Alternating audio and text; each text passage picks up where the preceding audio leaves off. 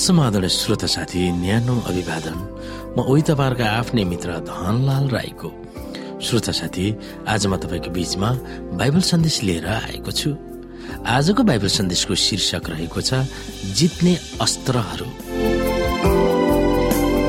श्रोता आजको अध्ययन दुई इतिहास बिस अध्यायको पन्ध्र पदबाट।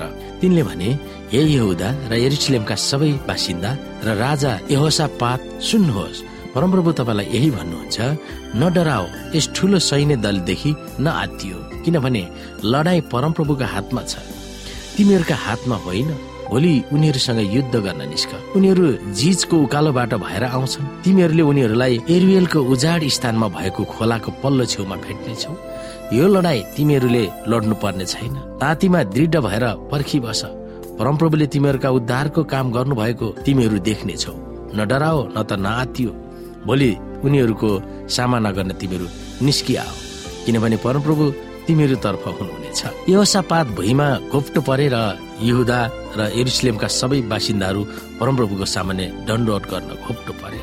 तब कहात र कोरहका वंशका कोही लेबीहरू खडा भए र चर्को स्वरले परमप्रभु इसरायलका परमेश्वरको प्रशंसा गरे। तब तिनीहरू बिहान सबैले उठेर तको उजाड स्थानमा गए। तिनीहरू निस्केर जाँदा खडा भएर पातले भने हे यहुदा र हेरिसलेमका बासिन्दा हो मेरो कुरा सुन। परमप्रभु तिमीहरूका परमेश्वरको विश्वासमा तिमीहरू स्थिर भइरह र उहाँले तिमीहरूलाई थामिराख्नुहुनेछ उहाँका गम्मुक्ताहरूमाथि विश्वास गर र तिमीहरूको फलिभाव हुनेछ।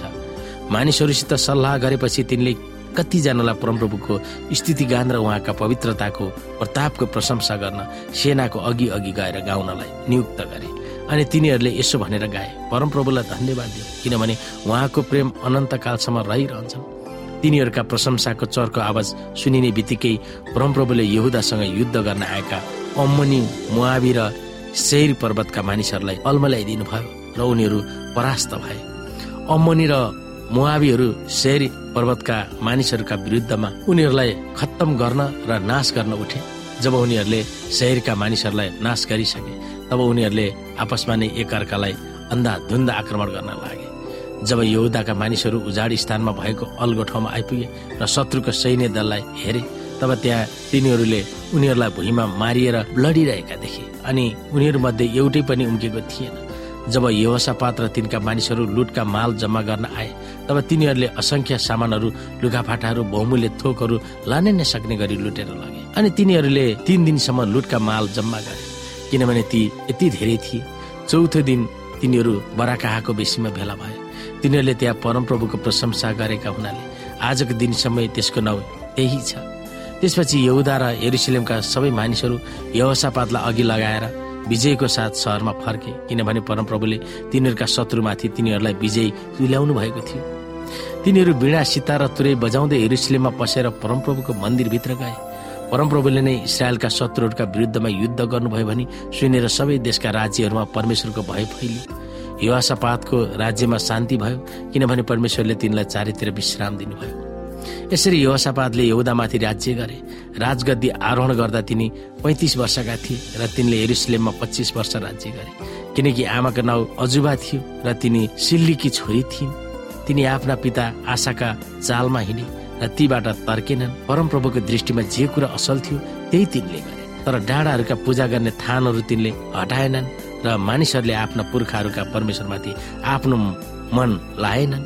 श्रोता साथी स्थिति प्रशंसा र प्रभुको बारेमा जय गाउनु शत्रुसँग लड्न शक्तिशाली अस्त्र रहेछ भनेर यहोसापातले पत्ता लगाएका थिए। उनीसँग युद्ध गर्न उनको शत्रुले सैनिकका विशाल दलहरू आइरहेको छ भनेर उनले थाहा पाए तर उनले तुरन्तै आफ्ना सारा सैनिकहरूलाई जम्मा गरेर शत्रुसँग कसरी सङ्ग्राम गर्ने भनेर रणनीति बनाएनन्। शत्रु आउँदैछन् के गर्ने भनेर विचलित नभएर उनले प्रभुसँग सोध्ने निर्णय गरेका थिए। यहुदाका मानिसहरू हेरिसलेमा उपवास बस्न आएका थिए।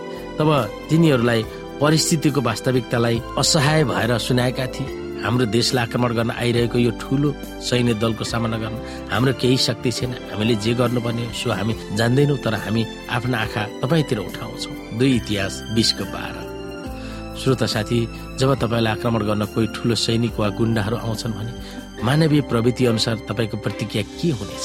यो अवसापातले के गर्ने निर्णय गरे हामी हेर्न सक्छौ? दुई इतिहास तिस अध्यायको तिनदेखि बाह्रमा यस्तो आतात्याई र मानिसको दिमागले नै भ्याउन नसक्ने डरलाग्दो परिस्थितिलाई कसरी सम्हाल्ने भनेर त्यसबाट हामी सिक्न सक्दछौँ। प्रभुको आत्मा यहसेलमाथि आउँदा उनी निडर भएर यो घोषणा गरे यो लडाईँ तिमीहरूले लड्नु पर्ने छैन तातीमा दृढ भएर पर्खिबस परमप्रभुले तिमीहरूका उद्धारको काम गर्नुभएको तिमीहरू देख्नेछौ। नडराओ नात्यो भोलि उनीहरूको सामना गर्ने तिमीहरू निस्किआओ। किनभने परमप्रभु तिमीहरूतर्फ हुनुहुनेछ। त्यसपछि तिनीहरू प्रभुको आराधना गरे। तिनीहरूले चर्को स्वरले परमप्रभु इसरायलका परमेश्वरको प्रशंसा गरे। तिनीहरूको निम्ति प्रभुले युद्ध गर्ने भए तापनि तिनीहरूले भगवान भरोसा गरेर हात बाँधेर बसेन।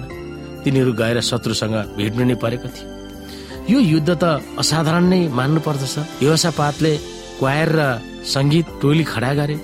जब तिनीहरू शत्रुसँग भिड्न लम्के तब तिनीहरू हताश निराश भएर होइन। प्रभुको स्थिति गुन्जाउँदै अघि बढे। तिनीहरूका प्रशंसाको चर्को आवाज सुनिने बित्तिकै परमप्रभुको योदासँग युद्ध गर्न आएका अम्मनी मुआवी र शेर पर्वतका मानिसहरूलाई अल्मलाइदिनु भयो र उनीहरू परास्त भए। अम्मनी र मुआवी शेर पर्वतका मानिसहरूका विरुद्धमा उनीहरूलाई खत्तम गर्न र नाश गर्न उठेका थिए।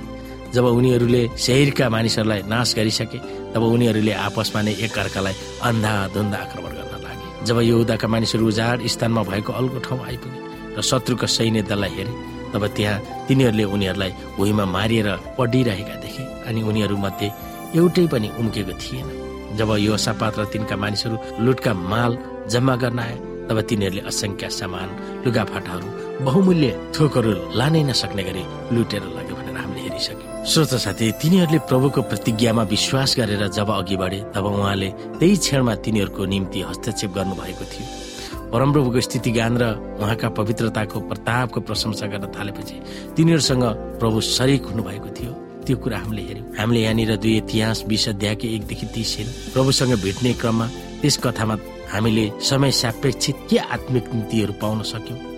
विशेष गरेर भीषण परिस्थितिमा के गर्नुपर्छ भनेर त्यस कथाले हामीलाई बताउँछ। त्यो विषयमा हामी सोच्न सक्दछौँ। श्रोत साथी आजको लागि बाइबल सन्देश यति नै। हस्त नमस्ते। जय मसिंह।